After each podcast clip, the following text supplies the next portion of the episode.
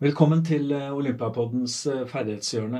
Jeg heter Morten Bråten. Med meg i studio har jeg Lene Puntervold, som eh, er medarbeider og medprogramleder ved denne anledningen.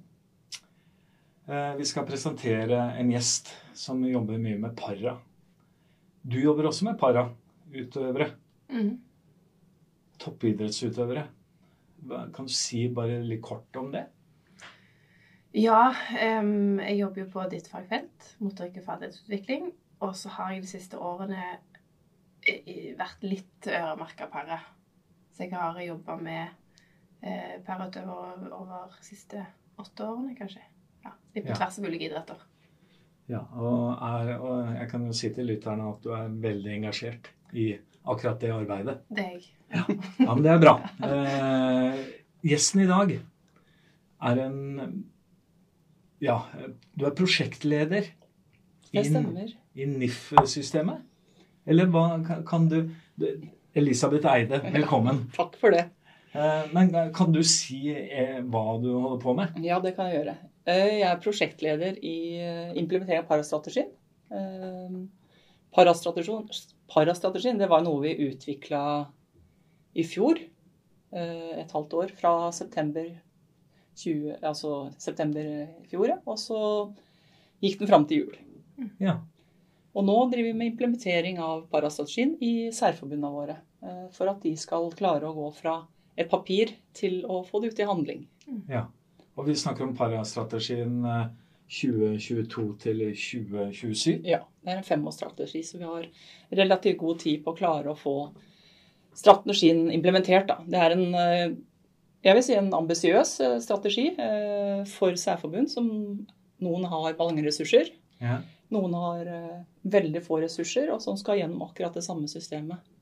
Så jeg er veldig opptatt av at den skal tilpasses det nivået særforbundet er på, for å klare å implementere det på best mulig så det passer seg selv. da. Ja, Kan du si litt om hvordan dere jobba frem den strategien? Ja, det kan jeg gjøre. Når vi fikk oppdraget Altså det her ble jo bestemt av idrettsstyret i um, august 2021 at vi skulle utarbeide en parastrategi.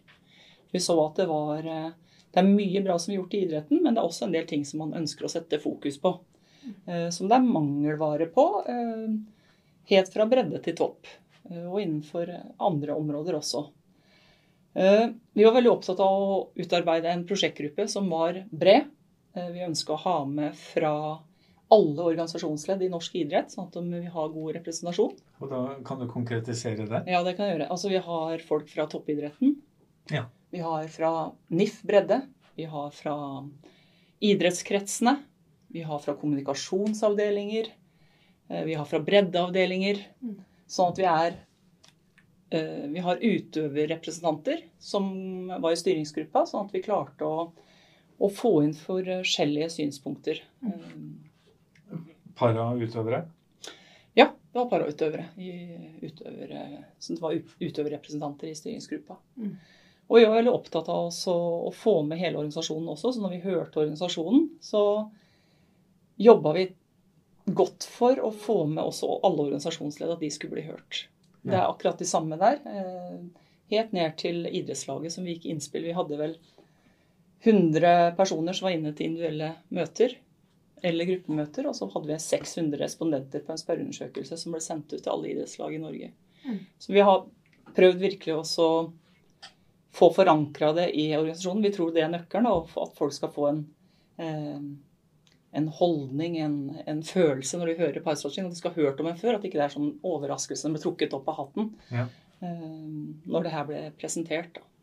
Det, jeg tenker, Den spørreundersøkelsen dere hadde ut um, var det noen entydige fellesnevnere som kom eh, frem i den, som er verdt å nevne? Altså, ja, altså, Det kommer egentlig fram av parastrategien. Det er veldig likt det som kom fram i innspillsrundene, ja. Eh, og det som kom fram i spørreundersøkelsen. Det går på hvordan kan vi få breddeidretten bedre? Mm. Hvordan ja. kan vi få aktivitetshjelpemidler, tegnspråktolk, transport ut?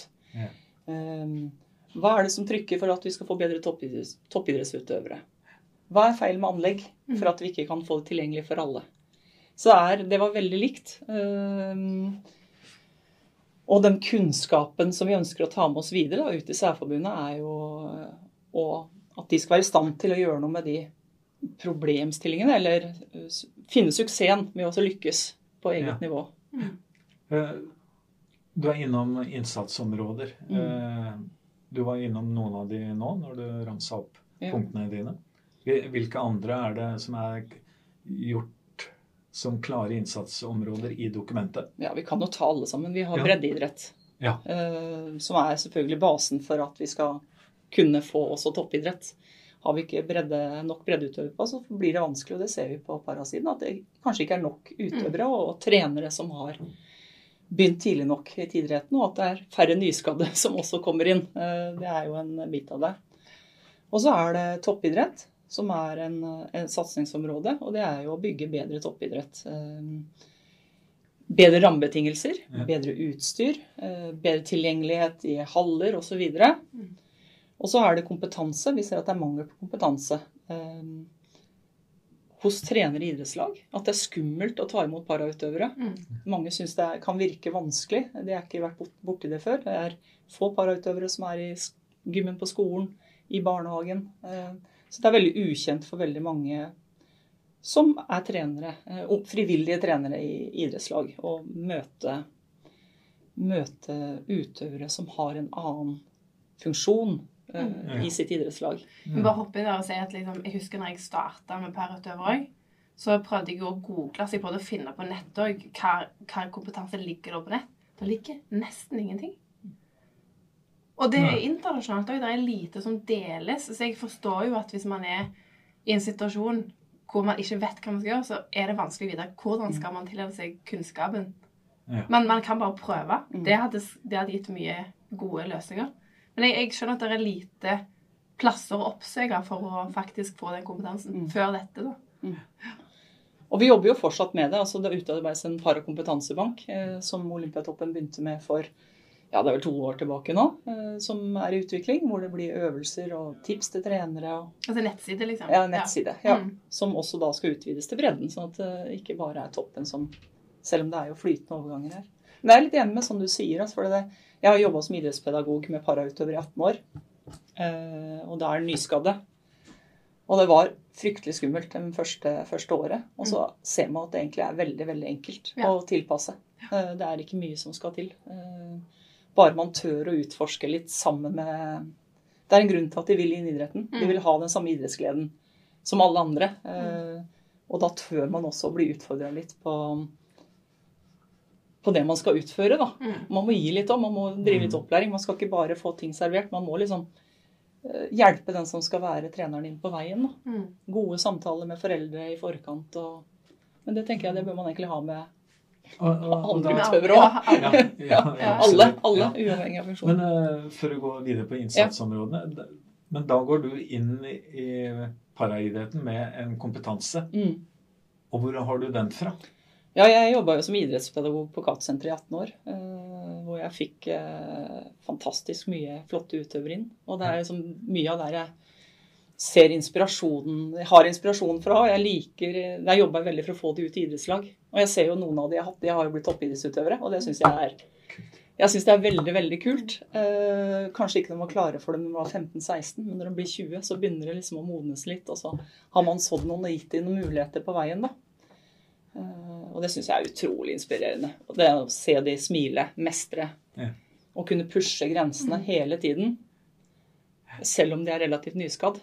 Og så går man mm. på trynet innimellom, og det tenker jeg er greit. Uh, uten at man skader seg på nytt, selvfølgelig, men at man ikke mestrer alt første gang. det tror jeg er utrolig viktig å ha noe å strekke seg etter. Uh, og hele tiden trigge nye sider, da. Om det er uh, helt små ting som å få på seg en sokk til å hive seg etter armene i klatreveggen hvis du har blitt lam fra brystet ned. Mm. Så ja, store og små seier underveis. Og det er utrolig. Jeg syns det er ekstremt inspirerende å se um, utøvere i aktivitet. Og det er jo det egentlig jeg trives aller best med. Ja. Eh, å drive aktivitet, og ikke bare sitte bak eh, PC-en. Og være ærlig på det. Og drive, og drive med det strukturelle. Drive med det strukturelle som jeg holder på med, og holder på med nå siste, siste tiden som prosjektleder. Men jeg tenker at det er viktig, det òg. Fordi man må ha litt bakgrunnskunnskap for å utvikle seg videre. Nettopp. Jeg syns det er veldig bra at du sitter og er med og utarbeider denne. Altså og tar ansvaret fordi at du vet Du vet hva det betyr i praksis. Du har denne, jeg tror det er veldig viktig å ha mennesker som kommer fra det feltet. Men eh, kanskje vi skal ha um, Du jobber med para, som sagt. Uh, de rammevilkårene du har i toppidretten, kan du si noe om det? Rammevilkår. Ja. Utstyr, Ja. lokaliteter, Ja, ja. fasiliteter. Altså, vi jobber jo eh, mest her på Olympiatoppen, i hallen her. Og så er vi jo med idrettene ute på de prestasjonsarenaer og treningsarenaer. Eh, og vi har jo sett i løpet av de siste årene at eh, vi har ikke tilpassa nok utstyr i noen situasjoner. Og da har vi jo vært heldige og fått brukt vaktmesterne her på å hjelpe oss å lage utstyr for å jobbe med de ferdighetene vi ønsker, da. Så vi har jo sett underveis at her er det utrolig mange ting vi er nødt til å bidra med å utvikle. Og så er det, må vi tenke løsninger på det vi allerede har. Men i den forstand er vi heldige her, for ting er tilrettelagt her. Men vi ser jo at det er vanskelig for utøverne å gå andre plasser Ja. og trene, fordi det er ikke tilrettelagt og enkelt nok. For det kan være ganske komplisert hvis du er, sitter i rullestol, å finne ut gode løsninger på å trene alene eller trene i, i andre plasser hvor det ikke er tilrettelagt godt nok. Så, um, men her tenker vi hele veien løsninger, og vi involveres veldig mye med utøveren og treneren i den prosessen. Sant? Hva trenger vi? Skal vi? Kan vi finne på en måte å gjøre det her på? Så vi har jo liksom lagd alt fra en, noe vi kaller haifinner, en sånn sitte... En Mm. stasjon du kan sitte i som sittende utøver og være fastlåst, så du kan liksom jobbe med en god del belastning. Og så har vi lagd en sånn lanterne som en sånn vest hvor du kan få belasta overkroppen i ulike posisjoner for de som ikke kan holde noe mer grep eller Hva, hva tenker du når du hører eh, 'dette lager sjøl', 'dette snekrer vi sammen sjøl'? Hva tenker du da, Elisabeth? Høres veldig kjent ut. Og sånn vi holdt på i rehabiliteringa òg. Ja. Jeg tenker til en viss grad så må det kanskje til, for det er veldig mange eh, hva skal vi kalle det, Veldig stor variasjon da, Mm. i, i funksjonsnedsettelsen. Eh, Sånn at man kan kanskje ikke ha et utstyr som er tilpassa den enkelte hele tiden. Men sånn ut ifra eh, idrettsutøverens perspektiv så tenker jeg at alle skal ha rett på et utstyr som passer deg som idrettsutøver. Uavhengig av hvor gammel du er. Uavhengig av hvilken funksjonsnedsettelse du har, og uavhengig av hvilken idrett du ønsker å drive. For jeg synes at Har man lyst til å drive med alpint, så skal man få lov å drive med alpint. Da skal du ikke Mm. bli tvinga til å prøve en annen, eller drive med en annen idrett du ikke har lyst til å drive med. Og da må man ha utstyr som er tilpassa. Man må, må kanskje ha en ledsager for å klare å få det til. Eller en døvetolk.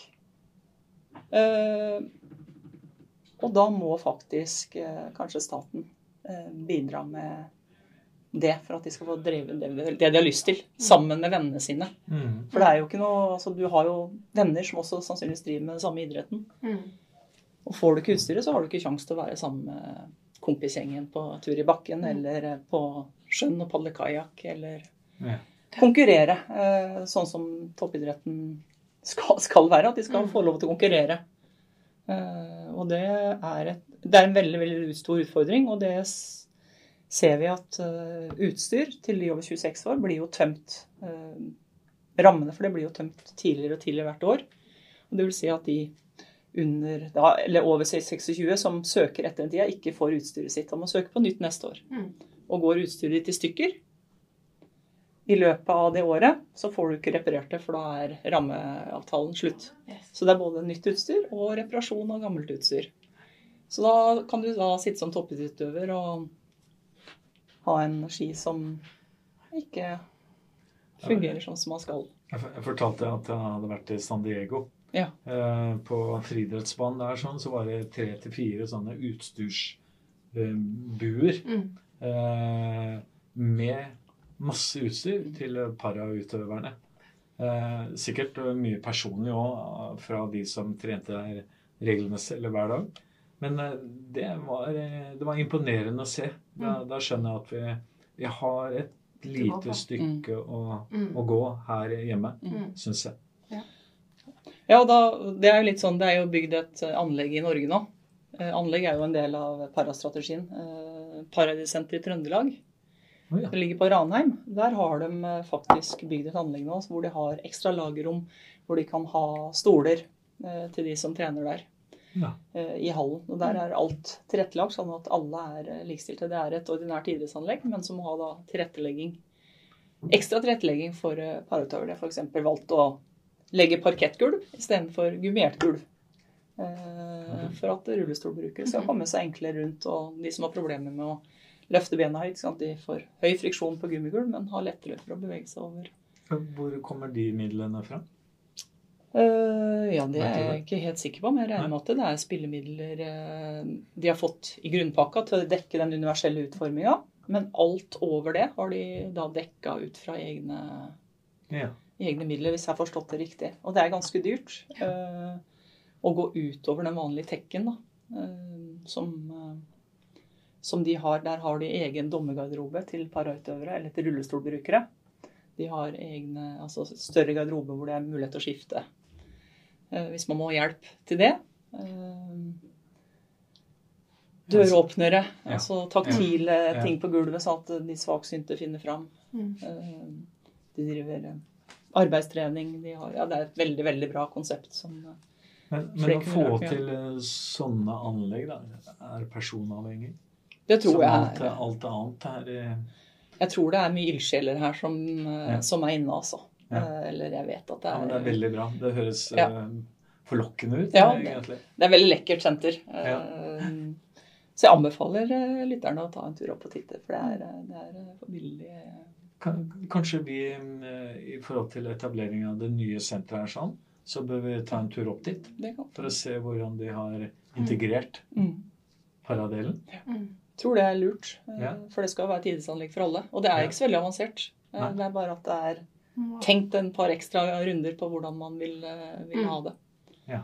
Og så er det ikke alt der oppe som er perfekt heller, som man oppdager etter hvert. Men det er sånn, sånn ting må gå seg til. Da. Mm. Ja, og den erfaringen eh, kan de jo dele da, før det igangsettes eh, her nede Mm. med det nye senteret. De er veldig villige til å dele. Jeg har vært der oppe og titta, og de er utrolig dyktige, dyktige folk og dyktig prosjektleder. Og et idrettslag som liksom er villig til å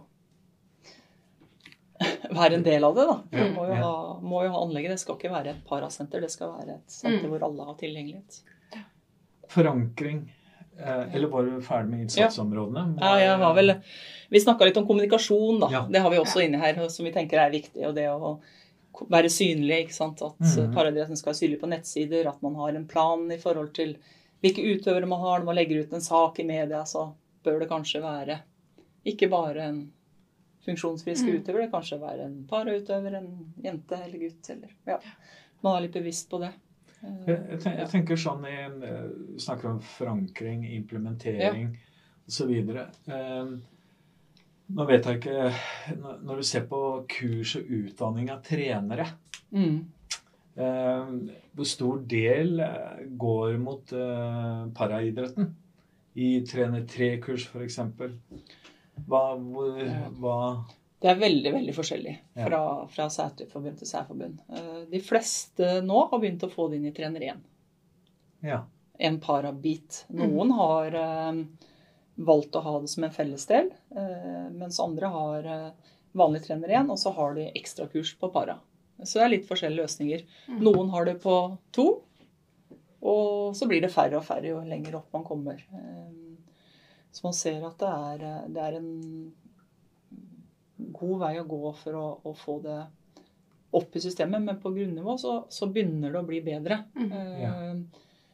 Men det er et stort potensial fortsatt å få kvaliteten opp, da, både på det som er innholdet som ligger der fra i dag, at det kan utvikles videre, eh, til å få det som en naturlig del, tenker jeg, som, som en ikke bare trenerutdanninga, men også at, ha, at man har det inn i lederutdanning. Mm. Uh, inn i organisasjonsutvikling og sånne ting. At det blir Absolutt. naturlig at det ikke det står ved siden av. Ja. Det skal bare være én idrett. Uh, uavhengig om du har hørsel, syn eller bevegelses- og utviklingshemming. Mm. Uh, at det er bare en Trenger ikke å ha et ekstra møte om para. Man kan ha det i en allerede møteplass som er etablert, hvor alle sitter rundt Ja. bordet og snakker sammen. Og, ja, ja, ja. eh, Jeg hadde erfaring fra Svømmeforbundet. Jeg har vært med de rundt omkring i verden Mm. for, for en del år tilbake. Og da var eh, det funksjonsfriske landslaget og paralandslaget De var alltid sammen Mm. på de samme stedene. Og de hadde fellestreninger. De trena sammen i bassenget. Og det syns jeg var eh, eh, Det ga en, ekstra dimensjon. Ikke bare som trener og leder, men jeg tenker at det, det ga en ekstra dimensjon for utøverne også. Um, Da er det én idrett. Mm. Sant? Ja. det er én idrett. Yes. Og så skyver det på noen grenser. Um, hvis vi kan kalle det mangfoldgrensene, Ja, ja. uh, blant annet. Men Mm. også uh, det som handler om eh, det å takle situasjoner. Mhm. Du klager ikke på en finger Mm. når du ser parautøverne sitter ved siden av deg, på en måte. Hvis Mhm. du skjønner poenget. Mm. Så det syns jeg Nå sitter jeg med gåsehud Ja. i studio, så det syns jeg var veldig flott. Og det skal bli den der motivasjonen til løsninger.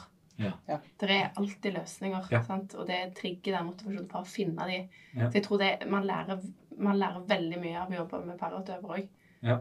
Det er en ekstra dimensjon til det, å se løsninger. Ja, og det- så man jo eh, når man f.eks. hadde felles oppvarminger. Løsningsorienterte. Mm.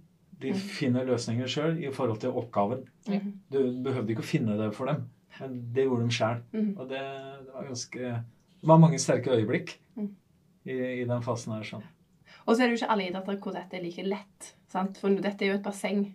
Det er jo noen idretter som er, har forskjellige løyper. De skal, Mm. altså, så, men jeg tror det er så viktig at på de, på de uh, møteplassene de kan møtes, at de er ett. Uh, Eh, det er én idrett.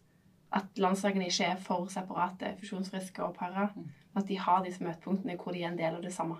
Ja. Det tror jeg er kjempeviktig. Ja, det tror jeg òg. Jeg tror man kan lære utrolig mye av hverandre. Og jeg tror at uh, parutøverne har mye å tilføre til ja, som du sier, altså det å tenke løsninger Ja. når man møter på en, eh, en utfordring i treningshverdagen sin eller konkurransehverdagen sin. Eller. Så for ikke snakke om det helhetlige perspektivet som Olympiatoppen og toppidretten står for, skal stå for, Mm. så, så gir det noe helhetlig mm. eh, i en gruppe som består av begge leire. Mm. Implementering, forankring. Ja, forankring er på eierskap. Ja. Ja, hva, hvor, hvor er dere i det arbeidet? Og hvem Ja, er det som har det ansvaret? Ja, hvem, altså ansvaret tenker jeg altså Ansvaret ligger hos hver enkelt, tenker jeg. Altså, og, og så Når, du høres det sier, kanskje når du sier hver enkelt, hvem er det du da Ja, da tenker jeg dem som uh, faktisk sitter og, og bestemmer hva som skal inn i, i planverk her på Olympiatoppen. Uh, hvert enkelt særforbund. Mm -hmm. uh, styrene rundt omkring. Mm. Som sier at det her skal vi ha fokus på. Ja. Det her legger vi ikke i en skuff. Det her skal gå fra papiret vårt.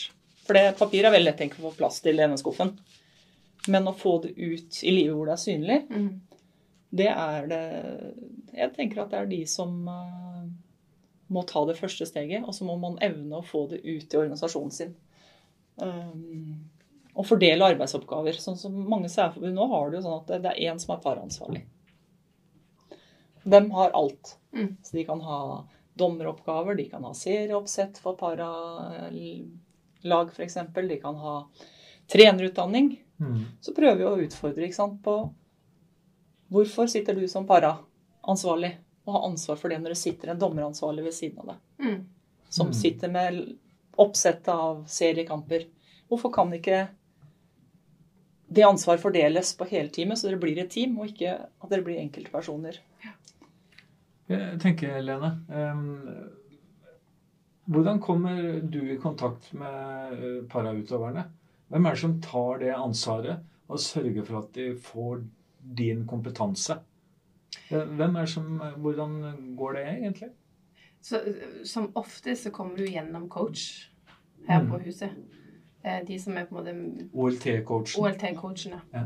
Eh, Så får jo jeg eh, blir satt i kontakt med utøverne gjennom det, og så har vi møter hvor vi møtes hele teamet og finner ut ok, hvordan skal vi følge opp den utøveren videre. Men det hender jo òg at man får møte utøvere på litt andre arenaer, som er på vei opp, f.eks., eller man møter noen her på huset som har en samling, eller um, Og jeg, uh, jeg mener jo litt, da, uh, at vi bør følge de opp kanskje litt tidligere enn bare vente til de har prestert bra i VM. Det mm. mener jeg på parasiden. At ja. man ser potensialet. Man må løfte de litt tidligere. Eh, det tror jeg er veldig viktig for å løfte paridrett. Hva, hva, mener du om det, Elisabeth? Er det Jeg syns det høres veldig, veldig lurt ut. Man ser jo at uh, Spesielt hvis man er nyskadd, da. Så, ja. ja så mm. har man uh, kanskje vært aktiv i idrett tidligere og har et, en grunnkapasitet, eller en grunnform, eller en grunnferdighet mm. som man enkelt kan løfte, da mm. til et høyere nivå ganske raskt mm. hvis man får fulgt det opp tidligere istedenfor å måtte vente. Og så møter de på en del utfordringer som, og helseutfordringer som kanskje ikke andre har på veien. At vi mm. kan da ja, sette innsats tidligere, så er det mm. enklere å, å få det inn i loopen. Da, og få det i gode strukturer. og få det inn i et godt miljø hvor de ikke er alene. For veldig mange av de her er jo alene i klubb. Mm. De har ingen forbilder, de har ingen de kan spare med. Mm. Um,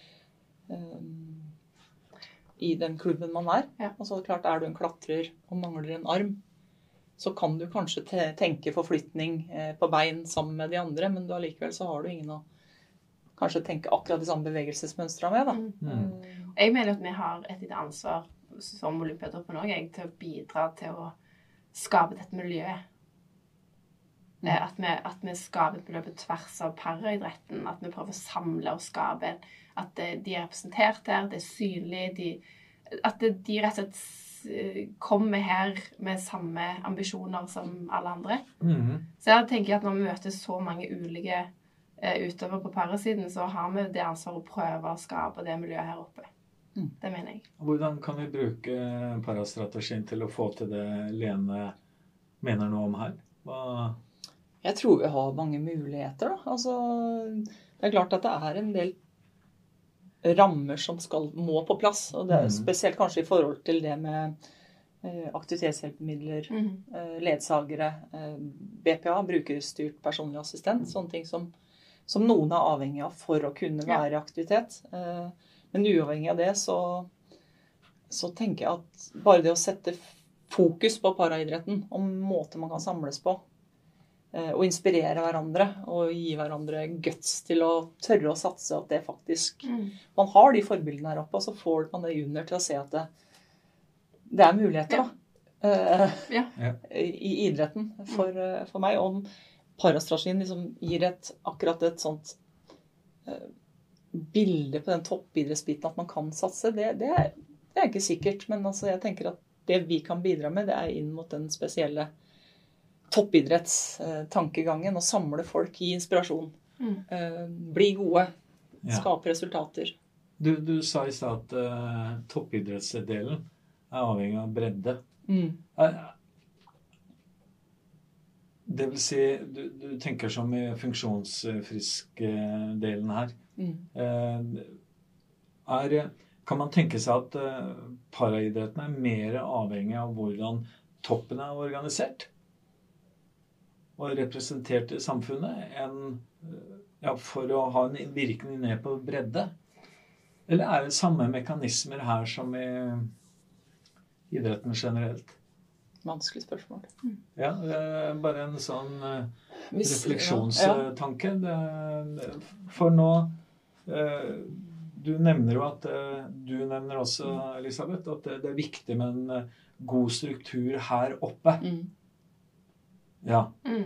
Men øh, det er vel også viktig med en god struktur der nede. Men det er kanskje lettere her oppe. For det er et mindre miljø mm. som kan synliggjøres utad enn Det er vanskeligere her nede, for øh, man må samle en del kompetanse mm. osv. Jeg tror jeg er inne på kompetanse. At kompetansen er her oppe. Mm. Um, ja. Og at man ikke er redd for å utfordre hverandre og de ja. man møter. Mm. Uh, og at man føler seg trygg i den rollen man har, selv om man kanskje er litt usikker i, i de utøverne man møter. Så er det en prat, og så er det liksom på plass. Mm.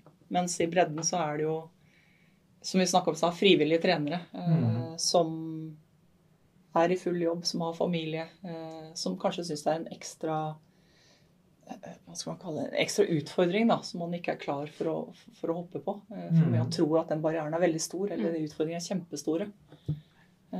Jeg, jeg, jeg, tenker som det hadde vært kult å fått fra Når du starta mm. med parautøvere, da. Mm. Hvordan tok du motet til deg uten den erfaringskompetansen du den gang hadde? Du har også begynt en gang. Liksom, eh, hva var det som gjorde at dere liksom bare hoppa i det? Eller var det en prosess? Hvis du jeg, jeg tror jeg bare tok utgangspunkt i hva jeg trente selv. Ja, så tenkte jeg at de er ikke syke, de har en skade. Altså, de, de er jo ikke De er jo friske. Mm. Eh, friske folk med en ryggmargskade eller mangler et bein. Og så tar man utgangspunkt i det man kan, og så snakker man med de. Og så prøver man. Mm. Ja. Og så lykkes man som oftest, og så utvikler man det videre. Eh, og så går man på en blemme eller to, og da bokstavelig talt. Altså man overbelaster de i perioder, så vi må ta det litt, eh, litt med ro. Og så lærer man av det. Ja, og så lærer man av det, begge to. Eh, det var en bratt læringskurve, det var jo det, men jeg tror det er å bare tørre ta utgangspunkt i Jeg har ikke noe utdannelse rundt parautøvere fra idrettshøgskolen. Jeg har funksjonsfrisk idrett som, som min eh, Både som egen bakgrunn og som utdannelse. Jeg tenker at det, tenker at det kan være positivt. For da, da har man det ikke i bås allerede i, i trenings... Eh, mm. Da er man sånn Ja, hvilke muligheter har vi? Yes. Uh, ja, så, så, du, Lene, hva, hva, liksom, hva er samme mekanismene hos deg som hos Elisabeth? Ja, absolutt. Jeg tenker jo man tilpasser jo mot individene ikke på funksjonsnedsettelse. Mm. Det er jo en del av hele pakken. Men det er jo, man tilpasser jo like mye. altså Det er et individ, uavhengig. Så jeg tenker jo litt det samme. Også, men så merker jeg at det var ett element som er litt annerledes på para, syns jeg. Og det er at det er Vi vet ikke hvor grensene går helt. Det er kanskje ikke så mange rollemodeller, så mange konkurrenter, så mange man tar utgangspunkt i og ser ok, her ligger lista. Jeg følte litt mer uskrevet ark. Sånn, her er det potensialet. Hvor, hvor, langt kan vi dra det? Mm. Og det syns jeg var ekstra motiverende, og er fremdeles ekstra spennende. Fordi at hva, hvor mye vi kan få til, den grensa pusher vi hele veien. Og det mm. syns jeg er veldig spennende. Og det gjelder funksjonsfrisk òg. Men der har man litt flere eh, mennesker å ta utgangspunkt i rundt seg. sant? Um, så, så det, det, er en ekstra dimensjon, syns jeg, som er både skremmende, men òg veldig, veldig, veldig kult. Og det dere har eh, sagt nå, det, i mine ører så bør jo det være til hjelp for de lytterne som har lyst til å mm. gå den samme veien. Mm. Eh, vi er alle mennesker. Det er det det handler om. Det er, det er, det er ikke noe det er ikke noe verre enn det. Nei, det... Så, mm. uh, men, uh, men for, ja. for en ting, Det eneste jeg var litt sånn obs på, fremdeles obs på, det var jo å avklare med utøverne. Uh, OK, dette her vil vi. Her tror vi vi vil, i hvert fall i første omgang. Ja. Dette skal vi få til. Men så ble jeg og jeg har også avklart med en del utøvere at men vi kommer til å teste en del ting som ikke kommer til å funke. Ja. Og så blir vi enige om det. Ja, det er en del av det vi skal gjøre framover. Så skal vi teste, og så bare legger vi vekk det som er Det funka ikke så bra. Da tenker vi en annen måte. Og det har vært litt viktig av og til. fordi litt for min egen trygghet òg, at jeg òg fikk rom nok til bare OK, slå meg løs litt kreativt. Mm. Og teste ut. Og jeg tenker det er det samme når du er trener og møter en parautøver første gang, enn du er lærer som møter en parautøver, eller en, en, en, elev. Det er jo som at man òg kan si Men vi tester. Det er ikke sikkert vi finner ut av det med en gang, men la oss prøve framover. Mm. Jeg tror det er en litt sånn god inngang. Ja. ja. Men har du merka at utøverne dine da har turt å gå noen nye veier som de ellers ikke ville ha tatt? Når du ja. ja gir, men, dem den, gir, dem den, muligheten til å ja, absolutt. Men så, så er det jo um, For noen tar det litt, for noen tar det litt lengre tid. For noen er veldig med på det. Men jeg føler at vi har De tør ja å feile mer. De tør å prøve. De er litt Ja, komfortsonen blir utvida sammen. Mm. Fordi at man begge to tenker at vi prøver, funker det ikke, så tenker vi på en annen måte. Absolutt. Jeg, var, eh, jeg hadde en økt med de som dro til eh, eh, hørselsvekkede. Mm. Eh, dro til OL i Brasil. The Flympics. Ja. Mm. Eh, og alle leste jo på leppene. Eh, men for å få oppmerksomheten deres Da måtte jeg ned på gulvet og så slå i gulvet. Liksom det, det, er sånne ting som slår deg etter hvert. da. Uh, og så har man jo gått i blemma sjøl, for um, jeg hadde en gruppe med parautøvere for noen år siden. Uh, forskjellige eh, forutsetninger. Så sier jeg 'se hit, alle sammen'. Ja, tre blinde, ikke sant. Det, men, eh, og de smiler jo bare. De bare ler av det. Men eh, det er jo Man må tørre, på en måte. Og som dere sier, man må prøve ut ting underveis. Kanskje i større grad enn det man gjør med funksjonsfriske. Mm. Ja. ja. Og så er dette veldig veldig individavhengig, sant? men det kommer jo an på hvor man kommer fra. Noen har jo vært født med en skade og brukte mye tid på f.eks. sitski og kjørt mm. siden de var noen år gamle. Noen kommer jo eh, og, og, kanskje ikke har hatt så mye gym på skolen. De har ikke vokst opp, altså At de er litt mer begrensa når de vokste opp. Så det motoriske basen er ikke lik. Um, noen blir nyskada i voksen alder og har på en måte levd et liv hvor de har masse masse kompetanse, og men har en ny kropp. Så det er liksom, det er som, jeg føler at det er faktisk noen historier man må ta litt hensyn til òg. Mm. Uh, men det gjør man jo òg med et fusjonsfriskt individ. liksom. Mm. Ja. Så det, men det er en ting jeg syns er veldig viktig hvis vi skal fullintegrere paridretten. Så må vi være bevisst på noen ting. Vi må møte dem der de er. For det er ikke alder det er ikke aldersbetinget, det er alder i idretten. Mm. Det, det, det, er betinget på en annen måte. Jeg er helt enig med det. Det er kjempeviktig. Mm. Har du noen egen erfaring rundt eh, Lena har uh, formidlet uh, nå? Er, er, det noe, er noe du vil tillegge i forhold til Du har eh, kjenner jo paraidretten ut ifra erfaring og det strukturelle, da. Så mm. jeg, jeg, tror at uh, for at vi skal lykkes, så tror jeg vi må ha mer videre rammer på plass. Altså, er, altså ram, økonomi er eh, dessverre en viktig bit av det her. Ja. Um, å få på plass ordninger som gjør det enklere for alle å drive med idrett, uavhengig av funksjon. Uh, og hjelpemidler er da uh, aktivitetshjelpemidler, konkurranseutstyr som ikke er på mm. plass. Man må faktisk, Har man svaksynt og må reise ti mil til trening, så må man faktisk ha en som kan kjøre seg opp på Olympiatoppen. Ja. Mm. Mm. Det er ikke bare å mm. gå en kilometer, kanskje, for alle. å finne en buss og komme opp hit. Um, og hvis du trenger ledsager i aktiviteten ja. din, så bruker du opp ledsagertimene dine. Mm. Da får du kanskje ikke gjøre Altså, det er ikke nok, da. Nei. Så jeg er så enig med det. Ja. Jeg tror det er kjempeviktig. Uh, man må gi de rommene man skal ha da, for å utvikle utøvere. Ja. Man må ha alt, alt, det på plass. Og så mm. må man ha folka, man må ha kunnskapen. Og tørre å ta det imot. Sånn som vi gjør her oppe. Så jeg tenker at Olympiatoppen er på, på en god, veldig, veldig, veldig god vei. Da, mens kanskje mange idrettslag har en større vei å gå uh, for å klare å få det til. Uh, men eh, det er vel eh, Vi kan vel si at eh, vi har litt å gå på her oppe også. Ja, ja, ja, absolutt. absolutt. Si at alt er i orden. Vi er ikke fornøyde ennå. Nei. Nei. Nei. Jeg tror det er viktig for oss å ha noe å strekke oss etter òg. Ja, ja. For uh, utøverne strekker seg hele tiden, og vi må jo ja.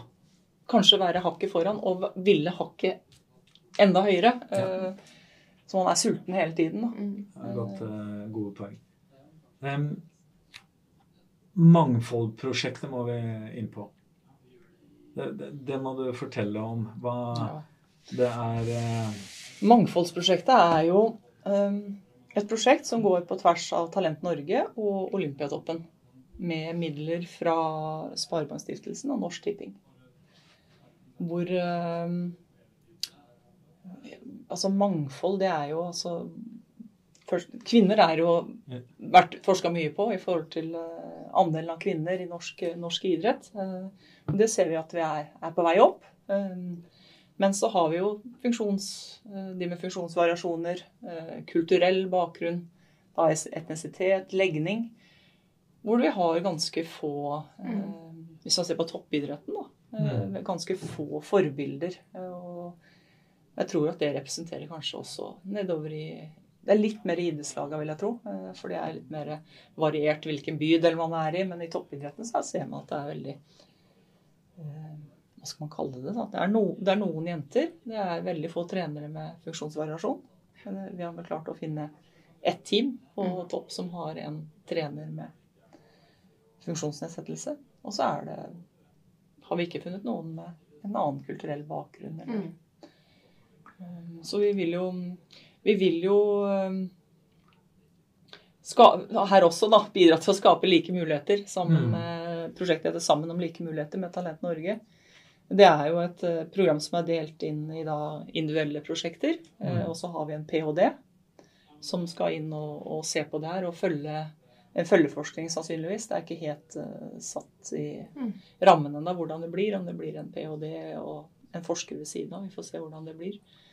Eh, hvordan vi kan da Hvilken, hvilken rolle er, har OLT her, liksom? Eh, Det er jo en eh, prosjektledelse. Eh, Jeg sitter i, som prosjektleder. Og så har vi en styringsgruppe her på OLT som er eh, bestående av eh, Liv Hemmerstad, eh, Tore Øgbø og Trond Pedersen. Som Ja. skal se på det overordna. Og så er det jo en, da, en samarbeidsgruppe over der som består av både eh, Talent Norge og OLT. eh, Og så har det de som er sponsorer i tillegg, da. Mm. Så det er et veldig spennende prosjekt, og hvordan vi kan se hvor vi kan endre Kan vi endre noen strukturer som gjør at det faktisk er lettere å få et mer, mer mangfoldig lederskap, f.eks. trenerskap. Mm. eh, Som, og spennende å se om det genererer da utøvere, f.eks. av Mm. flere Et større mangfold, da. Mm. Eh, Og jeg tenker, det Lead-coach-programmet ja. er, er et ja, Kan du si Ja, noe om eh, den involveringa derfra? Ja, Elitecoach-programmet har også fått eh, noe midler, men det er eh, ikke hovedsak av eh, mangfoldsprosjektet, men det er noe finansiering. Eh, Elitecoach det er da satt sammen av eh, for å få litt mer eh, Vi ønsker å bygge mer sterkere team. Eh, tidligere så har Elitecoach vært eh, basert på individuelle håndplukka sportssjefer, eh, landslagstrenere. Nå har vi plukka inn hele team. Mm. Eh, også da med enkeltteam hvor de har rekruttrenere som får da kommet inn i teamet Mm. og eh, komme inn i den kulturen da, som, Mm. som de har. eh, og utfordre ikke bare sitt eget lederskap, men hvordan de utøver lederskap i, i sitt team. da. Og Mm. Hvordan man kan få kanskje kultur eh, Hvordan kulturen påvirker eh, lettere når man er flere sammen om en ting enn å bare sitte som enslig. Man vet hvor hardt det er. Vært på Ja. konferanse og skal Mm. dele av sin kunnskap i teamet sitt, og så har man aldri tida til det. Det å sitte sammen, jobbe sammen, jobbe på tvers av idrettene, utfordre lederskapet sitt, Mm. lederstilen sin. Eh, Men hvordan ble det mangfoldsprosjektet integrert i den elitecoach-utdanningen?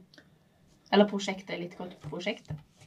Elitecoach-programmet. Programmet? Ja, det er et toårig program, da. Eh, Ja. Og så blir det vel en Og det er der lederne sitter. Mm. Så påvirkningsmakta sitter jo Mm. der. Eh, mm, Det blir vel ikke noe Altså Jeg er litt usikker på hvordan det, det blir lagt opp, men i hvert fall så blir det nok en tematikk på en av uh, møtene. Hvordan man kan få Mm. være bevisst på uh, det mangfoldet som Har vi mangfold? Mm. Hvordan kan man skape mangfold? Eh, har vi de rammene som skal på plass? Det, det vet, det, jeg har ikke sett så langt ut i programmet ennå, Mm. men eh, det er jo interessant å høre hva de tenker om hvorfor det er såpass eh, Men her ligger det en del synergier, sammenhenger med det som står i parastrategien. Eh, Er det med at det henger litt sammen. Ja, det Mangfold er jo.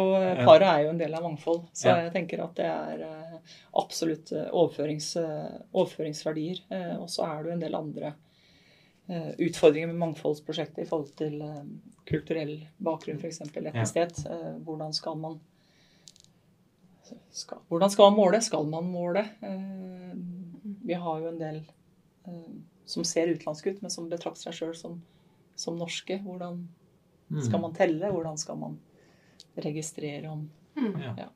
Uten å sette folk i Jeg er ikke så glad i å sette folk i bås, og selv om paraidrett er jo en, en bås, det òg for så vidt. Men det, heller å skape det fellesskapet, da. Mm. Det er vi ute etter. Å få et mangfold som speiler samfunnet vårt, som gjør at vi blir attraktive. At idretten blir attraktiv for kanskje noen som ikke ser på idrett som eh, altså noe de har lyst til å drive med, da, for de kjenner ingen som driver med idrett. Eller Mm. har man forbilder, så tror jeg at man vil eh, eh, Vil kanskje komme lettere inn i et miljø, da. Jeg tror representering er kjempeviktig. Ja. Jeg tror når man ser, ser Altså alle, alle skal sitte rundt bordet, tenker jeg. Mangfoldet skal sitte rundt bordet. Og hvis, ikke, hvis det ikke er mangfold rundt bordet, så skal man prøve å finne ut hvordan man skal gjøre det. Og jeg tror det du sier med Hvis det er eh, Hvis man ser seg sjøl og kjenner seg igjen i det miljøet man vil inn i, så er det lettere å gå dit og trekkes mot det miljøet. Jeg tror det er kjempeviktig. I, i stad så snakka vi litt om, i forhold til parastrategien, om ansvar. Eh, liksom, kan man, gå an å snakke om ansvar her, eller er, er det på sånn kulturelt nivå hvor det er om å skape en kultur som gjør at det mangfoldet er helt naturlig i vårt samfunn? Eller ligger det et ansvar nå for å på ett nivå for å få til dette som er tankene bak Mangfoldprosjektet? Jeg tror man må være bevisste. De prosessene man er igjennom. Skal man ansette noen, så er det ikke sikkert man bare behøver gå og snakke med kompisen sin ja. og si at nå blir den jobben ledig. Ja. Da må man kanskje ut og, ut og lete litt. Mm. Uh, ut og se om det er andre, andre muligheter. Uh, og så tror jeg også det er noe på kulturen og miljøet vi, Mm. Vi er i. Eh, at det har blitt en måte en Det er sånn vi gjør det. Mm. Og så endrer man ikke de vanene man har, da, hvis man kan, eller uvanen eller Mm. Jeg, jeg tror jo det ligger et ansvar. At At det ligger et ansvar ja, for at vi må skape det. Og, og det hos hver enkelt. Ja, absolutt. Og det er sikkert veldig mange forskjellige meninger om dette med kvotering og sånne ting, men jeg, jeg tror det er viktig at det er et ansvar i at vi må skape det sjøl. da. Mm. Vi Men kanskje ja, At du faktisk går ut og leter. Det tror jeg er et ansvar man må ta. Um, Jeg har um, blitt belyst jeg, i løpet av de minuttene vi har sittet sammen. Jeg har virkelig fått uh, uh, Jeg har blitt satt inn i strategien. Jeg har blitt satt inn i Mangfoldprosjektet. Uh, Det som har kommet opp eh, angående det. Ehm, Er det noe mer før jeg går til siste spørsmål, Elisabeth? Er det noe mer du ønsker å si? Eh, Lene, er det noe mer du ønsker å formidle rundt det som jeg har vært igjennom? Er det noe som du brenner for? Jeg brenner jo for at idretten skal være for alle. Jeg må si det, Og få Ja. muligheten for de som har lyst til det, å drive med toppidrett. Fordi jeg, altså, jeg vet hvor mye det, det ga meg å få muligheten til å ha noe å trene mot. Da, og ha det hårete målet der oppe om å få lov til å strekke seg etter noe. Ja. At alle skal få den muligheten. De som har lyst. Ja. Man skal, ha, ja, skal få lov til det. Mm. Ja. Det, det, hvis flere hadde sittet her i studio, så skjønner vi at dette ligger deg hjertet nært. Det gjør det, altså. Det, og det merker vi når vi sitter her sånn. Ja. Det må jeg bare si. Eh, Du har eh, kanskje svart på det avsluttende spørsmål som alle får. Alle gjestene får. Eh, Det handler om eh, Har du noen anbefalinger til trenere for barn og ungdom som du ønsker å formidle? Du har, du har sagt noe, men eh, du skal Jeg tenker at ikke vær så redd for å prøve. Hopp, hopp i det, ta en prat, utforsk sammen. Eh, gå på noen eh, små steiner, gå på noen store steiner. Hopp over neste. Så tror jeg at man utvikler både seg sjøl og utøverne sine, og ikke minst de andre barn og ungdommene som, Mhm. Som eh, trener sammen. Eh, de er eh, idrettsutøvere, først og fremst. Og ikke en en funksjons... En rullestol Ja, ja, eller en manglerbein. Ja. Mm. Godt poeng. Eh, takk, Elisabeth Eide. Tusen takk for at du kom som gjest og ville formidle det du tydelig brenner for. Det er sånn at vi sitter nesten i fyr, vi også, Lene. Og du brenner også for dette, så tusen takk til begge to. Så Takk for at du fikk komme.